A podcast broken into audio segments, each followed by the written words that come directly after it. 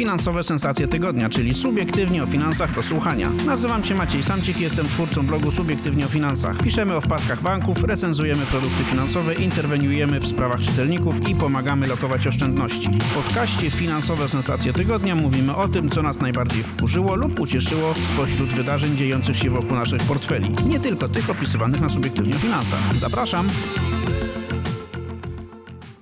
Dzień dobry. Witam w kolejnym odcinku podcastu Finansowe Sensacje Tygodnia. Dzisiaj e, jesteśmy dla Was w składzie 2M, ale to nie jest to 2M, którego moglibyście się normalnie spodziewać. E, naszym właściwie nie gościem, tylko e, gospodarzem, czy też współgospodynią jest bowiem Monika Madej. Czyli nasza autorka no, która jest zamiejscowo, przez co rzadko gości na naszych łączach. Właściwie to chyba Twój debiut w naszym podcaście. Tak, tak. Bardzo się cieszę, że w końcu się udało. Chodź zdalnie. E, tak, łączymy się zdalnie. E, jesteśmy w końcu w XXI wieku, więc możemy sobie na takie triki pozwolić. Porozmawiamy dzisiaj na temat konta mieszkaniowego, czyli tego drugiego elementu programu wsparcia mieszkalnictwa czy e, sposobów na e, nabywanie mieszkań e, ogłoszonego jakiś czas temu przez rząd. Ta pierwsza część, czyli bezpieczny kredyt 2%, no właściwie została omówiona i przez nas, i przez inne media, odmieniona przez wszystkie przypadki i poruszono chyba wszystkie możliwe aspekty tego, tego programu. No a jeśli chodzi o to konto mieszkaniowe, no to to aż takim, taką popularnością się nie cieszy. Opisałaś e, w subiektywnie o finansach pierwszą ofertę na rynku tego produktu. Czy, czy mogłabyś nam przybliżyć, o co właściwie chodzi i, i kto się podjął tego, tego projektu? Chodzi o to, żeby na mieszkanie oszczędzać, a bezpieczny kredyt E, polega na tym, że dostajemy dofinansowanie i być może dlatego cieszy się większą popularnością, bo to mieszkanie na kredyt możemy nabyć już e, zaraz, tak powiedzmy, podpisujemy mhm. umowę i gdzieś już możemy mieszkania szukać. A konto mieszkaniowe polega na tym, e, ma zachęcić nas do tego, żeby na mieszkanie oszczędzać. Oszczędzać minimum 3 lata, a maksymalnie 10 lat. Więc te posiadanie mieszkania jest trochę odłożone w czasie, być może nie dla każdego będzie to atrakcyjne. Natomiast jest to pewna ciekawa forma, bo jednak nie każdy, kto ogólnie planuje kupić mieszkanie czy wybudować dom, zrobi to tak e, od razu. Wiele osób planuje to dopiero w perspektywie e, za kilka, gdzieś 5, 7, 10 lat, więc to jest właśnie opcja dla takich osób to kto może z tego programu skorzystać? No bo ten bezpieczny kredyt 2% jest obwarowany e, różnymi obostrzeniami czy wyłączeniami. A jak jest z tym kontem mieszkaniowym? Tutaj też mamy pewne obwarowania i obostrzenia. To jest tak samo jak w przypadku bezpiecznego kredytu e, produkt, program dla osób, które nabywają swoje pierwsze mieszkanie. Nie można posiadać e, mieszkania. I też jest ograniczenie wiekowe. Osoba, która skorzysta z programu, nie może mieć więcej w dniu przystąpienia do programu więcej niż 45 lat. Natomiast co ciekawe, minimalny wiek uczestnika to jest lat 13. Mhm. Z tym, że oczywiście to jest wszystko pod nadzorem rodziców czy opiekunów. Nie może 13-latek gdzieś swobodnie tutaj wypłacać tych pieniędzy. Natomiast rodzice mogą dla, dla swojego dziecka takie konto założyć. I to jest ciekawa opcja, ponieważ no, 13-latkowi zakładamy, jeśli faktycznie przez 10 lat będziemy oszczędzać, to ona pod koniec studiów magisterskich y, te pieniądze gdzieś będą do wzięcia lub, lub trochę wcześniej oczywiście, jeśli y, chcemy oszczędzać przez mniej niż 10 lat. Mm, no więc tak, jest to, jest to ciekawa opcja. I to jest takie pierwsze obostrzenie, to jest drugie obostrzenie, tak? Bo pierwsze, że nie możemy posiadać lokalu, a drugie, że y, ten, jesteśmy ograniczeni wiekowo, tak? Nie więcej niż 45 lat. Rozumiem, że konto dla 13-latka, wtedy ten warunek nieposiadania mieszkania E, dotyczy trzynastolatka, a nie jego rodziców. Tak, tak. Tak, okay. tak, on jest jakby właścicielem, natomiast rodzice nim e, zarządzają i do dysponowania wymagana jest zgoda opiekuna. No rozumiem, rozumiem. Natomiast y, nie jest to tak, że jeżeli rodzice mają mieszkanie, no to to, to jakby powstrzymuje czy, czy blokuje takiemu mhm. 13-latkowi e, opcję, opcję korzystania z takiego konta. No dobrze, a to co w takim razie jest wyjątkowego w, tym, w tej formie oszczędzania, że no, że miałby się ktoś na nią decydować? Mhm. E, tutaj największym hitem jest potencjalne oprocentowanie, jakie możemy dostać. E, jeśli oszczędzamy faktycznie minimum te 3 lata, bo nie można e, tych pieniędzy gdzieś wypłacić wcześniej, to po pierwsze dostajemy oprocentowanie od banku. I właśnie na początku może wspomnę, że bank PKO SA to pierwszy bank, który wystartował z tą ofertą, dostajemy oprocentowanie od banku, w PKO ono wynosi 5% i to jest promocyjne na pół roku, później ono spadnie do 3%, ale oprócz tego jeśli spełnimy warunki oszczędzania, o których za chwilkę jeszcze powiem, e, to co roku dostajemy premię mieszkaniową. Mm. I ta premia mieszkaniowa może wynosić aż 15%, to jest górna granica, a konkretny ten wskaźnik wynosi tyle, ile roczna inflacja lub tyle, ile wynosi roczny wzrost y, ceny metra kwadratowego. I teraz bierzemy pod uwagę ten wyższy wskaźnik, czyli jeśli inflacja wyniesie 10%, a mieszkania wzrosły o 12%, to premia wynosi 12%. No a jeśli y, inflacja wyniesie 18, a mieszkania wzrosną o 10, no to bierzemy też ten wyższy, no ale jesteśmy ograniczeni tym poziomem 15%, więc wtedy 15%. Okay. Ale tu jest dodatkowy warunek, bo oszczędzać musimy regularnie. E, regularnie to oznacza, że każdego miesiąca na to konto mieszkaniowe musimy wpłacać między 500 zł a 2000 zł miesięcznie. W ciągu roku możemy jedną taką wpłatę odpuścić, tak? Czyli może gdzieś nam coś wypaść, że możemy odpuścić. Natomiast poza tym to powinno być każdego roku minimum 11 wpłat, żeby ta premia się zaliczyła. Chciałem Ci jeszcze dopytać o szczegóły tego, tego produktu tak naprawdę oszczędnościowego. Czy to jest rachunek oszczędnościowy, czy to jest bliżej ma do lokaty? Wspomniałaś o tym, że tych pieniędzy nie można wyjmować i trzeba regularnie je wpłacać, żeby, żeby z, tego, z tych premii korzystać. No i do tego, jak to właściwie działa? No bo minimalna wpłata to 500 zł, minimum 11 wpłat w, w roku, czyli jeśli dobrze liczę, to jest 5500 zł rocznie. W którym momencie następuje to wyliczenie, ile ta premia e, ma wynieść? W którym momencie ta premia jest wypłacana? Czy ona potem podlega e, kapitalizacji, czyli tak, czyli czy po, potem te premie są, działa na nie ten, ten e, procent składany i, i ta magia, która sprawia, że, że, że oszczędności przerastają w, w coraz szybszym tempie.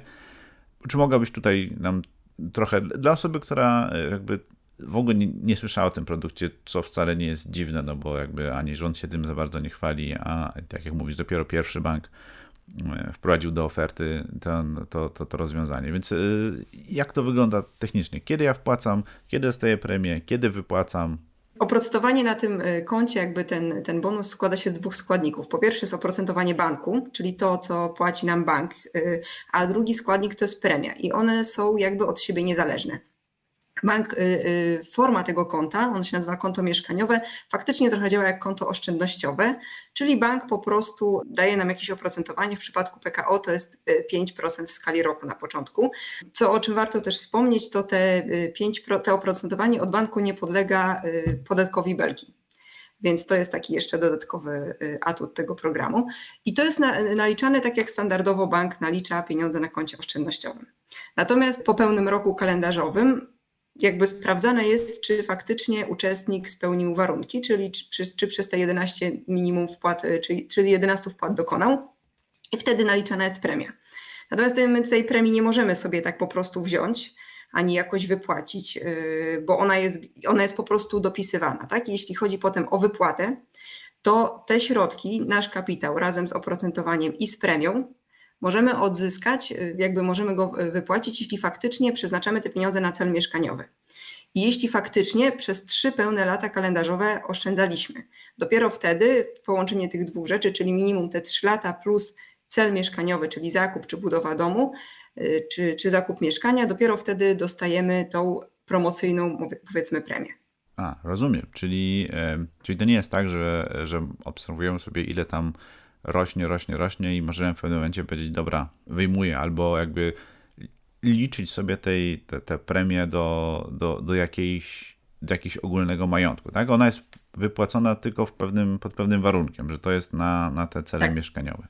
Tak, i to może gdzieś e, wiele osób zniechęcać, myślę, bo to jest jednak długoterminowe. No zakładamy, że faktycznie za 7-10 lat e, kupię sobie mieszkanie, no ale jeśli coś w moim życiu gdzieś potoczy się inaczej i te pieniądze będę, chciał, będę chciała wypłacić, to, e, to ta premia wtedy nie zostanie naliczona, tak? Czyli wtedy pozostaje nam tego oprocentowanie banku.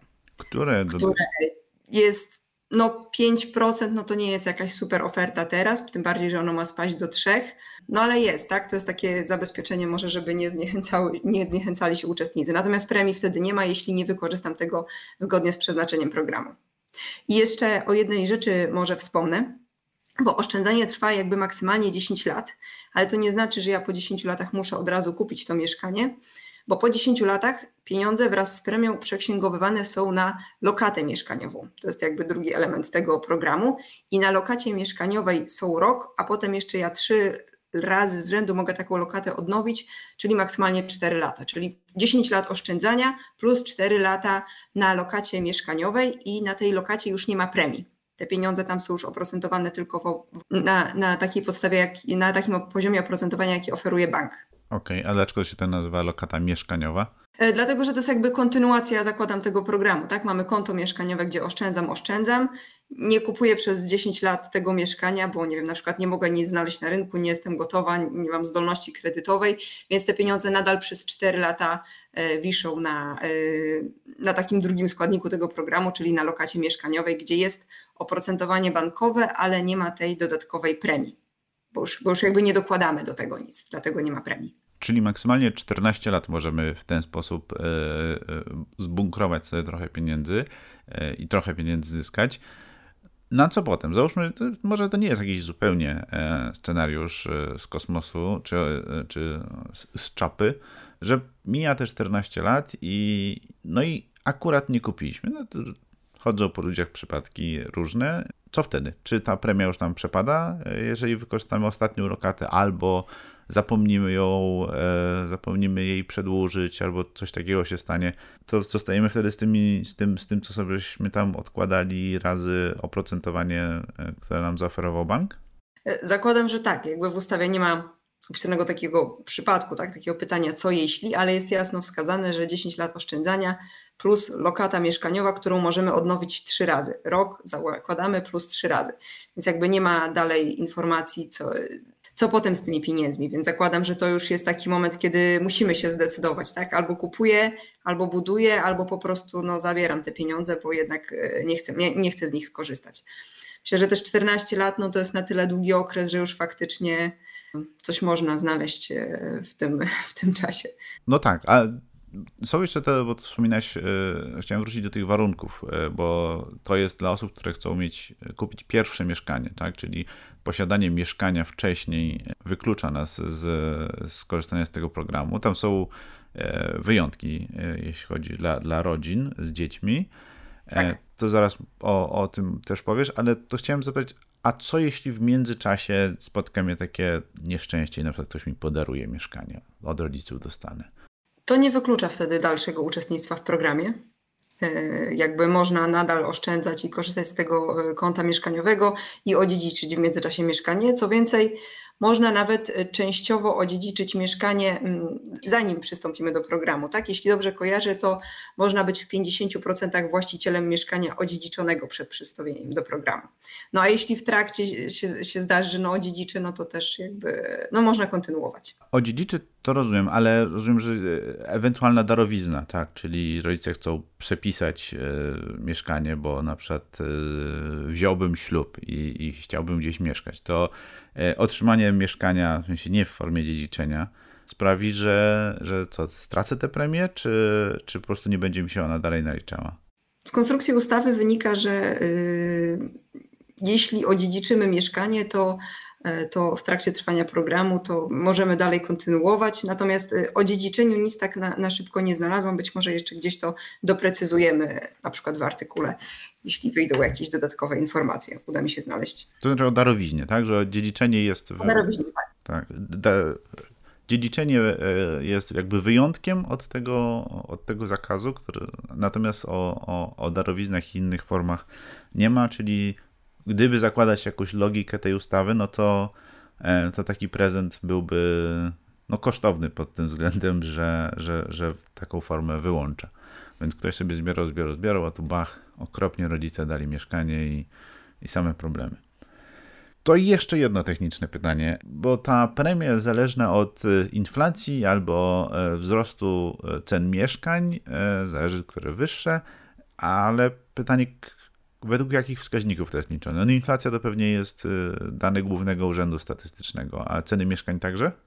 Tak. W jednym i w drugim przypadku bierzemy pod uwagę dane z y, Głównego Urzędu Statystycznego. Rozumiem, że to nie jest zróżnicowane e, regionalnie, to znaczy liczy się średnią dla całej Polski, tak? No bo program obowiązuje w całej Polsce. Jeśli chodzi o ceny tak. mieszkań, tak? Inflacja też niby jest zróżnicowana regionalnie, ale w sumie na to się aż tak nie patrzy. E, więc no, no, jest to zawsze jakieś założenie, które, które, musi, które musiał ustawodawca przyjąć.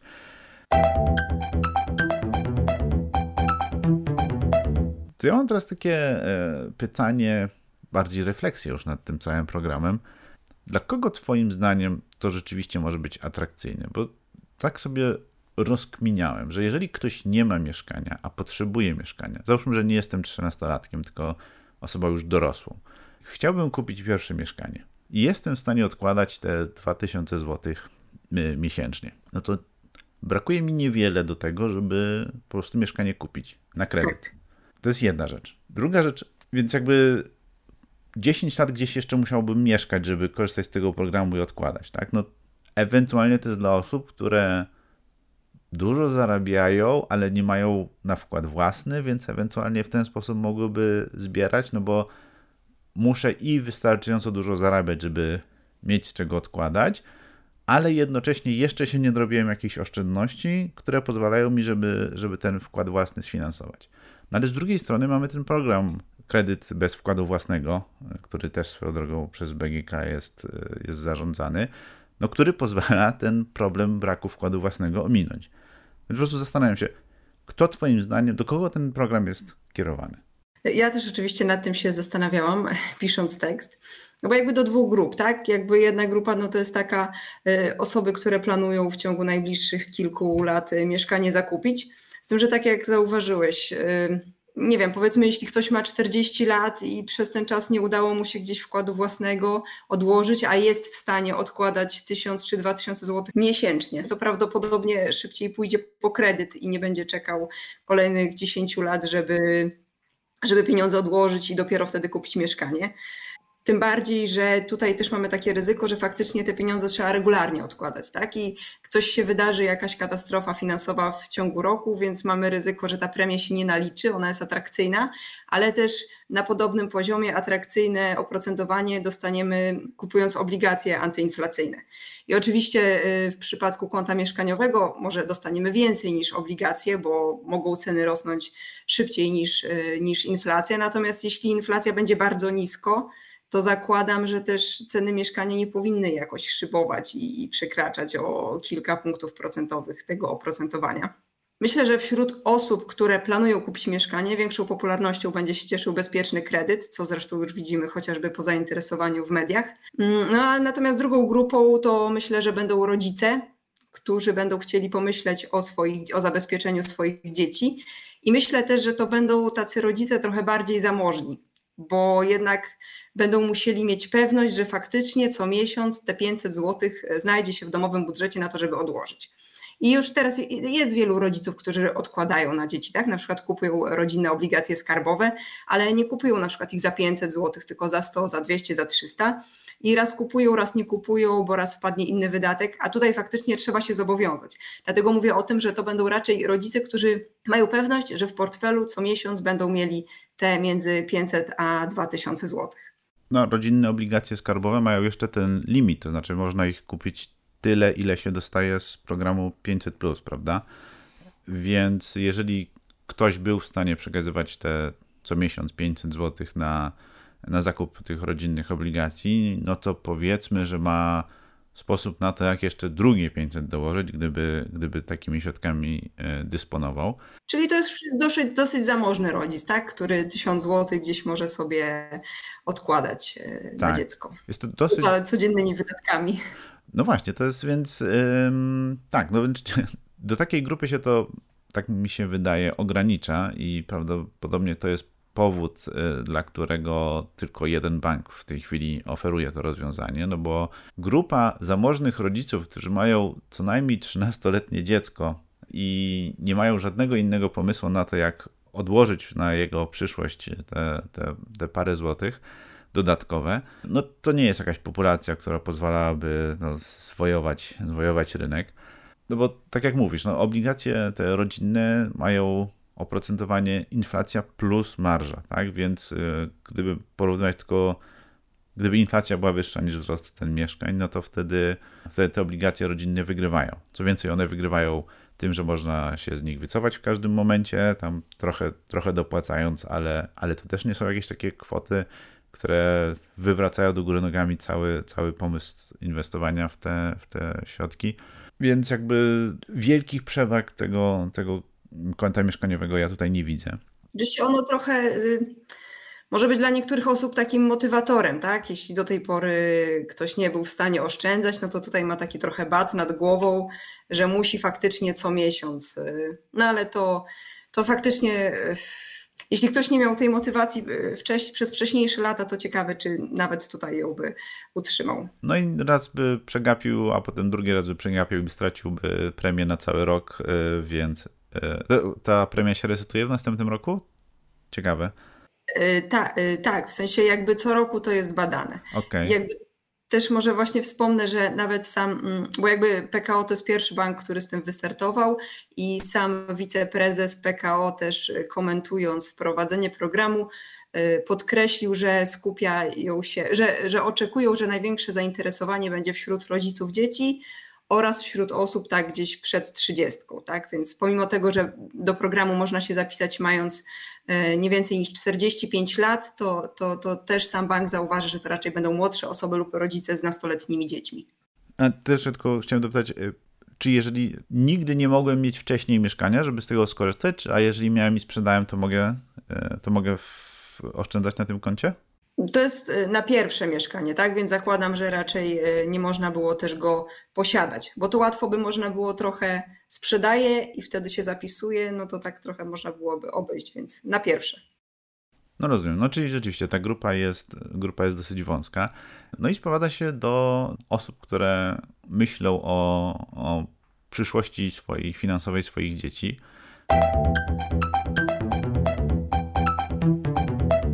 O przyszłości finansowej, no nie tylko swoich dzieci, ale dzieci w ogóle, e, napisałeś e-booka, e, którego można, który jest dostępny na stronie klub.subiektywnieofinansach.pl. E, zachęcamy wszystkich do, do zapoznania się z tym i z innymi e-bookami od ekipy Samcika. Ty tam wymieniasz sporo innych ciekawych pomysłów, no bo e-book został, powstał no, chwilę wcześniej niż wystartował ten program. Więc parę innych ciekawych sposobów na, na to, jak, jak tym naszym e, dzieciom e, ułatwić start w, w przyszłość i pewnie też trochę sobie, no bo wychowanie dzieci kosztuje. Wyliczyłaś to doprowadzenie dziecka do stanu używalności na rynku pracy, czyli do do skończenia studiów. Na... Różne są szacunki. E, ja też się podjęłam liczenia, też Centrum Adama Smitha robi takie wyliczenia, ile kosztuje utrzymanie dziecka do, aż osiągnie pełnoletność, to jest gdzieś tam około 260-300 tysięcy w, w skali tych 18 lat. Więc y, wydatków jest sporo, a jeszcze w tym wszystkim fajnie by było znaleźć pieniądze na to, żeby E, odkładać pieniądze e, na zabezpieczenie przyszłości finansowej dziecka. I tak, ja, ja w swoim e-booku e, właśnie o tym piszę. Zaczynam jakby właśnie od tego, po co te bezpieczeństwo finansowe i jakie są takie główne podstawy jego, bo to nie tylko oszczędzanie i przekazanie pieniędzy, ale też dobrze się skupić na edukacji finansowej, żeby dziecko potem nie było tak, że dostanie kilkadziesiąt tysięcy na start i ono się rozejdzie. E, ale też na inwestycji w kompetencji dziecka, po to, żeby też umiało zarządzać pieniędzmi, ale też, żeby umiało potem te pieniądze same w przyszłości pomnażać, tak? Czyli nie tylko, że dostaje pieniądze od rodziców, ale też e, samo zarządza swoim budżetem, że te dodatkowe wsparcie od rodziców jest wsparciem, a nie gdzieś tylko główną częścią, które dziecko, którym dziecko dysponuje. Zrobiłeś takie bardzo ciekawe i bardzo tak e, dużo uświadamiające wyliczenie, bo politycy lubią mówić, że o, dzieci to jest inwestycja. No ale ty to rzeczywiście e, przeliczyłaś, e, pokazując, ile kosztuje na przykład wydatki na to, żeby e, pomóc dziecku po pierwsze się rozwinąć tak intelektualnie, po drugie skończyć studia. I jaka z tego jest stopa zwrotu, to znaczy różnica w wynagrodzeniach? E, więc tak, e, wychowanie dziecka do tego 18 roku życia to jest gdzieś tam między 250 i 300 tysięcy, wszystko zależy od, od tego, jak rodzice pieniądze wydają. Natomiast potem jeszcze przychodzą studia, tak? Jeśli liczymy, że edukacja to jest 4,5-5 lat, a koszt utrzymania studenta, tak według dzisiejszych stawek, to minimum 3000 zł miesięcznie, to w ciągu tych 5 lat wydamy na studenta 150 tysięcy. Czy to się opłaca? 150 tysięcy wydane na takiego studenta. E, jeżeli jest to inwestycja, to trzeba się teraz zastanowić, po jakim czasie się ona zwróci. Posługujemy się tutaj pewnymi statystycznymi wartościami, średnimi medianami i tak dalej. E, o ile więcej zarabia osoba z wyższym wykształceniem od osoby ze średnim wykształceniem? Bo słyszę takie głosy, niektórzy mówią, a lepiej tam, e, lepiej może nie iść na te studia, tych pięciu lat nie marnować i po prostu wziąć się za jakąś robotę e, i lepiej się na tym wyjdzie niż, niż, niż, niż 5 lat spędzić na uczelni. Oczywiście nie ma reguły, bo są osoby, które zarabiają e, bardzo dobrze, gdzieś nawet nie, nie, nie kończąc studiów, ale jednak dane statystyczne, bo na takie zwracamy uwagę, pokazują, że jednak osoby z wyższym wykształceniem, a szczególnie osoby z wyższym wykształceniem inżynierskim, zarabiają e, więcej niż, e, niż rówieśnicy, którzy skończyli tylko gimnazjum czy szkołę średnią. I to mniej więcej Mam tu zarobki z 2021 roku. Po studiach inżynierskich y, mediana miesięcznego wynagrodzenia brutto to jest 7300. Dla porównania niepełne wyższe to jest 5,5, wyższe magisterskie około 6300, tak? Czyli jakby jasno widzimy to, że im to wykształcenie jest wyższe, na wyższym poziomie, tym potencjalne zarobki mogą być e, również wyższe. No i pytanie, czy to się zwraca? Zależy oczywiście e, od tego, do jakiej pierwszej pracy dziecko pójdzie, ale rzeczywiście, jeśli dziecko skończy dobrą uczelnię na dobrym poziomie i dziś będziemy w międzyczasie dbać też o jakąś edukację finansową i nie tylko skupiać się na nauce, ale na rozwoju różnych kompetencji, to może zdarzyć się tak, że kończąc e, studia, dziecko będzie zarabiało nawet gdzieś dwa razy więcej po jakimś czasie niż jego rówieśnicy. Tak? I e, ja obrałam w e-booku taki przykład. Tak? Jeśli dziecko startuje z pułapu 5 tysięcy złotych zarobków, a drugie dziecko z pułapu 10 tysięcy zarobków i uwzględniając, że obydwie te osoby będą przez 10 lat otrzymywać tam co dwa, co trzy lata e, podwyżkę na poziomie 20-30%, to po 10 latach z podwyżkami dziecko, które wystartowało z poziomu 10 tysięcy zarobków miesięcznie, zarobi o ponad 840 tysięcy złotych więcej niż kolega, który otrzymywał e, procentowo takie same podwyżki, ale startował po prostu z niższego pułapu. I te 840 to jest, to jest tylko ta nadwyżka, tak? Mhm. Czyli kluczowe znaczenie ma to, od jakiej pensji startujemy, no bo wiadomo, ten procent od, od wyższej kwoty potem przekłada się na jeszcze wyższe zarobki. Więc rzeczywiście, jeśli te, e, wybierzemy dobrą uczelnię i faktycznie uda się na tyle, że dziecko dobrze zacznie karierę zawodową, e, to ta inwestycja na pewno się zwróci. Jeśli tutaj powiedziałam, że przez 5 lat studiów wydamy 150 tysięcy, a tutaj przez, e, potem przez 10 lat aż po, o ponad 800 tysięcy młoda osoba może więcej zarobić w ciągu 10 lat. Mhm. I mówimy tutaj cały czas o średnich, więc to też nie jest tak, że, tak. że trzeba od razu iść na Harvard, e, żeby, żeby e, trochę się wybić, tak, czy trochę mieć lepszą sytuację. Tak, dokładnie. Jak zebrać pieniądze na ten, na, na, na, na ten cel? Jak je zaoszczędzić, czy jak je pomnożyć? No, o tym wszystkim piszesz w e-booku. Jeszcze raz zachęcam e, do zajrzenia na klub.subiektywnieofinansach.pl to o, o, dzieciach, e, o długach, e, o inflacji i o pomnażaniu oszczędności e, możecie poczytać dużo, dużo więcej niż na naszym blogu, na który też serdecznie zapraszam. I na tym chyba skończymy dzisiaj. Cieszę się, że mogliśmy Cię w końcu usłyszeć w naszym podcaście, chociaż Monikę, drodzy słuchacze, E, możecie też usłyszeć i obejrzeć na naszym Instagramie, na naszym kanale YouTube'owym. No i oczywiście czytać te artykuły w, w subiektywnie o finansach. Tak, zapraszam serdecznie do obserwowania właśnie naszego profilu na Instagramie. Tam jest wiedza finansowa podana w takiej bardzo przystępnej formie, tak? Więc jeśli czasem czujecie, że nie macie czasu przeglądać najnowszych gdzieś informacji, skupiać się na szczegółach, to Instagram to jest taka pigułka, czyli z artykułów wyciągnięte to, co najważniejsze. Tak, w ogóle Przypominamy, że nie jesteśmy ani tylko podcastem, ani tylko blogiem, ani tylko Instagramem. Jesteśmy właściwie wszędzie, gdzie tylko e, gdzie tylko obserwujecie e, media e, i te tradycyjne, i te społecznościowe, więc no, zachęcamy, staramy się jak najwięcej treści Wam oferować w wysokiej jakości. No i na tym kończymy kolejny odcinek podcastu Finansowe Sensacje Tygodnia. Ja nazywam się Maciek Jaszczuk i rozmawiałem z Moniką Madej. Żegnamy się z Państwem, zachęcamy jeszcze raz do czytania nas, słuchania i oglądania. Do usłyszenia w następnym podcaście. Do widzenia. Do usłyszenia. Inne odcinki tego podcastu znajdziesz na stronie Subiektywnie o Finansach www.subiektywnieofinansach.pl. Zapraszam!